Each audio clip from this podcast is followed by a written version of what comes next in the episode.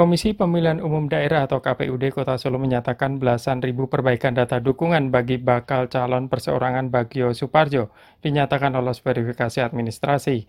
Ketua KPUD Solo Nurul Sultarti saat sosialisasi tahap pencalonan pemilihan wali kota dan wakil wali kota di Pilkada Solo secara daring Jumat lalu mengatakan di tahap berikutnya KPUD Solo akan memverifikasi faktual ke lapangan perbaikan data dukungan bakal pasangan calon perseorangan tersebut.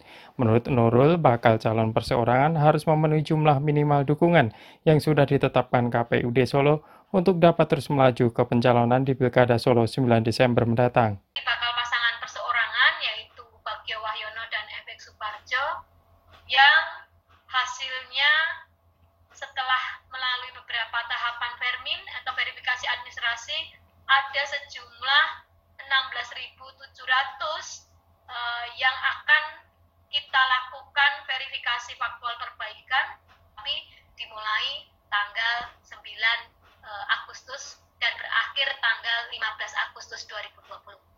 Satu-satunya pasangan bakal calon perseorangan di Pilkada Solo 2020 Bagio Wahyono saat mendaftarkan diri di KPUD Solo beberapa waktu lalu menyatakan tidak takut dengan lawan politiknya. Menurut Bagio, masyarakat Solo yang akan menentukan siapa pemenang di Pilkada Solo 2020 mendatang. Menurut Bagio, meski Solo merupakan basis PDI Perjuangan dan telah mencalonkan putra sulung Presiden Jokowi, ia tetap optimistis bisa lolos dan ikut berlaga di Pilkada Solo. Uh, saya juga merasa semangat dari sedulur-sedulur bisa menggantar persyaratan dari KPU bisa tercapai. Biasa saja, kita itu ya seperti pion Pak. Melangkah maju, maju, dan maju. Jadi tidak akan mundur. Jadi kita itu ibarat pion ya seperti itu, melangkah tetap terus maju. Jadi masalah siapa pun musuhnya, saya tidak memandang.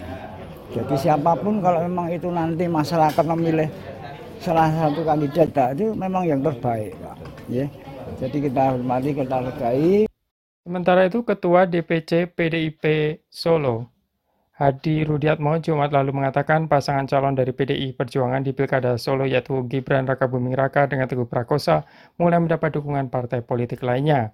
PDI sekarang kan kita ini kan sudah ada pengusungnya dan dari parpol yang lain memberikan dukungan didukung oleh partai PAN, Golkar, Rindra.